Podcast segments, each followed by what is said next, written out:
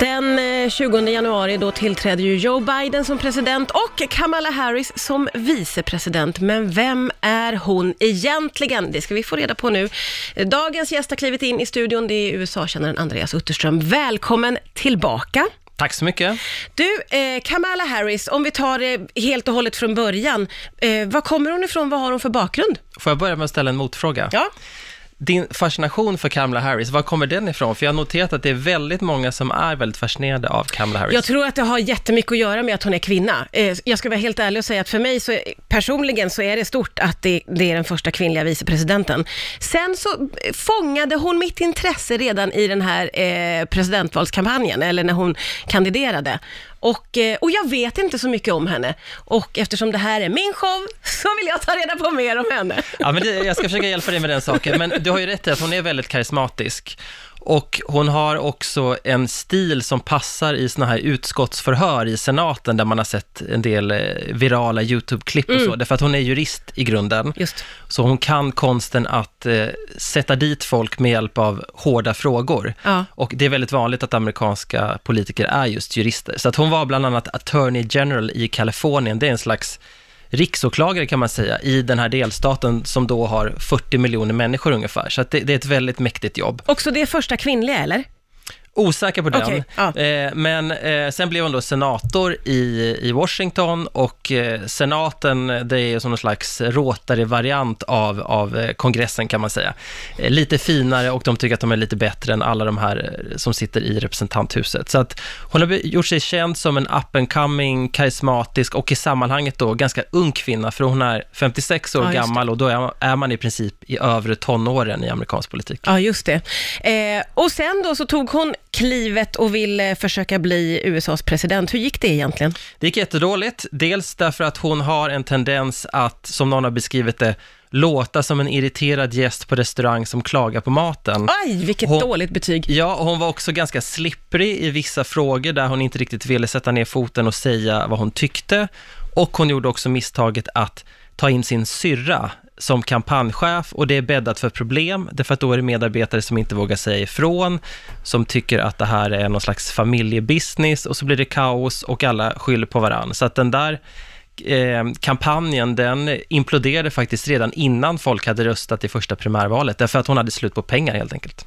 Men hur kommer det sig att Joe Biden valde henne då, tror du? Ja, men det är för att hon är en, eh, dels har hon karisma, hon är ung, vilket är viktigt eftersom han är gammal, och hon är också betydligt mer kvalificerad än vad Barack Obama faktiskt var när han blev president 2008. Ja, okej, så bra meriter alltså. Ja, men det tycker jag. Och också bra eh, i själva kampanjandet, alltså hantverket i att vara ute och träffa väljare, i att ta debatter, i att eh, paketera eh, politik, i alla fall när hon då pratar om Joe Bidens eh, politik. Så att hon var en bra teammate till honom och dessutom någon som inte ställde till med några skandaler så att man går i den så kallade Sarah Palin-fällan. Man ställer till det för sig och tar fokus från det som är huvudbudskapet.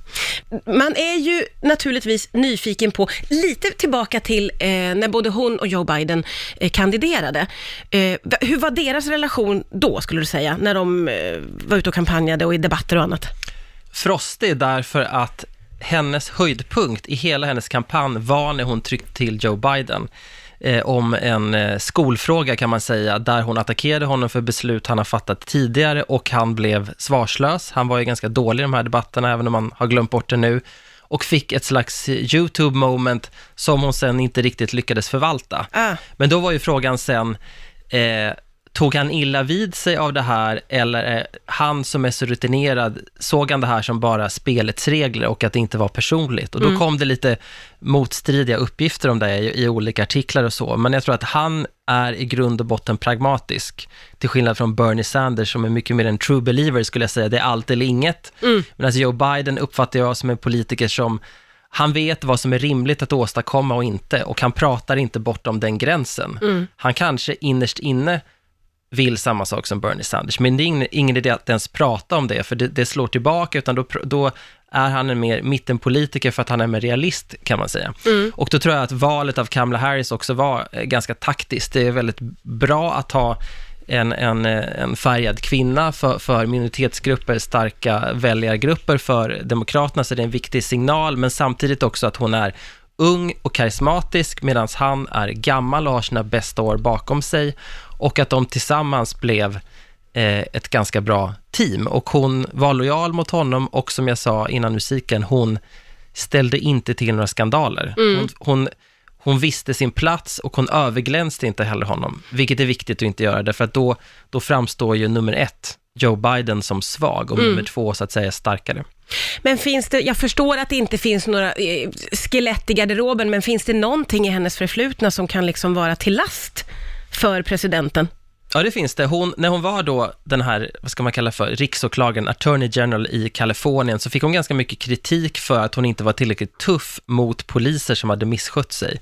Och nu har Joe Biden pratat mycket i samband med Black Lives Matter-protesterna om att man ska reformera rättssystemet så att det, det inte diskriminerar svarta. Han, han pratar om att det finns en, en systematisk rasism som är inbyggd i systemet, till exempel att polisen ofta oftare stoppar svarta män än vita män, eh, fast det kan vara samma område och sådär. Och det ska han, har han sagt att han vill göra någonting åt, och då är frågan, är Kamala Harris rätt person då att ta tag i det här? Hon som har fått kritik för att hon inte har gjort tillräckligt mycket i de här frågorna, och den kritiken fanns redan innan, och den kommer säkert tillbaka nu om det är så att det är hon som får ansvar för de här frågorna. Därför att vicepresidentens arbetsbeskrivning är ett blankt papper. Så att hon skulle kunna få huvudansvar för lite vilka frågor som helst. Hon skulle också kunna bli som någon slags senior rådgivare som är med och tycker till om lite allt möjligt. Det är fortfarande en öppen fråga. Men hon, är- hon är inte en person med eh, någon, någon perfekt eh, bakgrund. Jag skulle säga att hon i svenska medier kanske kommit lite väl lindrigt undan för att man blir förblindad av hennes karisma. Ja, ja, ja, oj, oj, oj. Vi får fortsätta prata om det här strax här på Rix FM. Jag har ju sett eh, serien VIP ett par gånger faktiskt. Fantastiskt rolig. Eh, och kan du, har dra också... dina favoritcitat från VIP nu? Eller? Kanske inte på För den som inte har sett serien så finns det ju få tv-serier där folk är så fula i munnen som den. Ja, så är det verkligen. Eh, och det handlar ju då om eh, en vicepresident. Du har också sett den vet jag. Eh, och det är ju en skämtserie, men kan man dra några paralleller till verkligheten? På så sätt att jag tror att de flesta på toppnivå i amerikansk politik är väldigt obehagliga människor, precis som de är i VIP, därför att de tycker att, att det är värt att få sitt, sina liv vända ut och in. De har tittat sig själva i spegeln och tänkt, det är klart att det är rimligt att jag ska bli världens mäktigaste person. Jag tror inte att man är helt sympatisk om man, om man liksom faller inom den kategorin. Och det gäller alla då som kommer upp på den här nivån, tänker du? I stort sett alla, Ja. men så är jag också, jag är också en stor cyniker, så möjligen för cynisk i det här fallet. Men det jag tror att du menar med VIP, det är ju det här att det framställs som att, att vara vicepresident är, ja men det är som att vara landshövding Ja, det är i, ett i inget Sverige. jobb, det är en liksom. avstjälpningsplats på något sätt. Mm. Det finns ju en sån bild av det att det här är ett, ett värdelöst jobb och folk säger, skrattar lite åt det och säger att det här är ingenting att ha. Sen tackar ju alla ändå ja. Ja. Dels för att det är en språngbräda för vidare ambitioner, men sen också för att man, man faktiskt har stor makt. Men det beror helt och hållet på vilken relation man har till presidenten.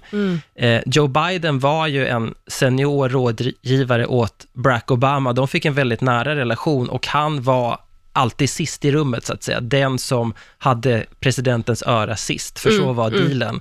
Och han hade också massa kontakter med kongressen i förhandlingar och sånt. Och jag kan inte tänka mig annat än att Kamala Harris också kommer få en viktig roll, för att det är så givet att hon ska ta över efter honom. Han är, fyller 82 år 2024. Jag kan inte tänka mig att han ställer upp igen. Och då måste hon på något sätt skolas in och jag tror att hon kommer få ansvar för vissa frågor. Kan man veta det redan nu? Vilka frågor tror du kommer att passa henne? Det skulle kunna bli det här med att reformera rättssystemet som vi pratade om innan. Problemet är att det där är en het potatis och då ger man kritikerna lite extra ammunition för att hon har, det är svårt och krångligt och det är väldigt förutsägbart att se vad kritiken skulle vara. Det skulle kunna vara någonting som har med ekonomi att göra. Skulle också kunna vara någonting som har med utrikespolitik att göra, men där har hon inte så mycket erfarenhet. Men jag tror att hon, hon kommer ha en, en tydlig och stark roll, men precis som när hon var kandidat under kampanjen, hon får inte överglänsa Joe Biden. Och det tycker jag var ju tydligt också nu eh, under den här tiden då, från det att Biden vann fram till idag, att det är alltid han som går ut och berättar om nya ministerutnämningar och allting. Hon, nu har Mm. hon inte synts jättemycket Ja, och, det. och eh, det är klart att han kommer fortsätta vara eh, nummer ett, men, men hon kommer inte vara osynlig på samma sätt som vissa eh, vicepresidenter har varit. Jag tycker ju nu att vi har fått en klarare bild av vem Kamala Harris är. Tusen tack Andreas Utterström för att du kom till Rix FM idag. Tack!